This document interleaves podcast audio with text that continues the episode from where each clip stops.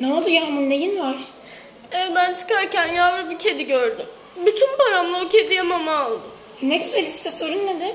İyi de biraz daha ilerleyince bir kedi daha gördüm. Üstelik o kedi diğerinden çok daha açtı. En az iki gündür hiçbir şey yememiş gibiydi. Kemikleri sayılıyordu. Ama yanında, yanımda ne o kediye verebileceğim mama ne de mama alabileceğim para kalmıştı. Çok üzücü gerçekten ama sanırım bu durumu bir daha yaşamanı önleyebiliriz. O nasıl olacak? Selahattin Hoca bize TÜBİTAK'tan bahsetmişti hatırlıyor musun? Evet. Ben TÜBİTAK'ı biraz araştırdım ve değerler eğitimi kapsamındaki projeleri inceledim. Senin yaşadığın durumu bir daha yaşamanı önleyebilecek bir projeye rastladım. Projenin konusu ne peki? Bahsettiğim proje 2018 yılında yapılmış ve senin yaşadığın gibi olayları önleyebilmeyi amaçlamış.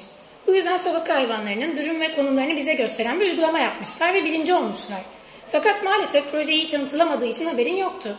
Bu uygulama herhangi bir bölgedeki hayvanların beslenip beslenmediğine dair bilgilendirmeler yapıyor. Bütün hayvanlara eşit ve adil bir şekilde beslenme hakkı tanıyor. Bence bu uygulamayı sana da yükleyebiliriz. Keşke daha önceden haberim olsaydı. Çok güzel olur. Teşekkür ederim Işık.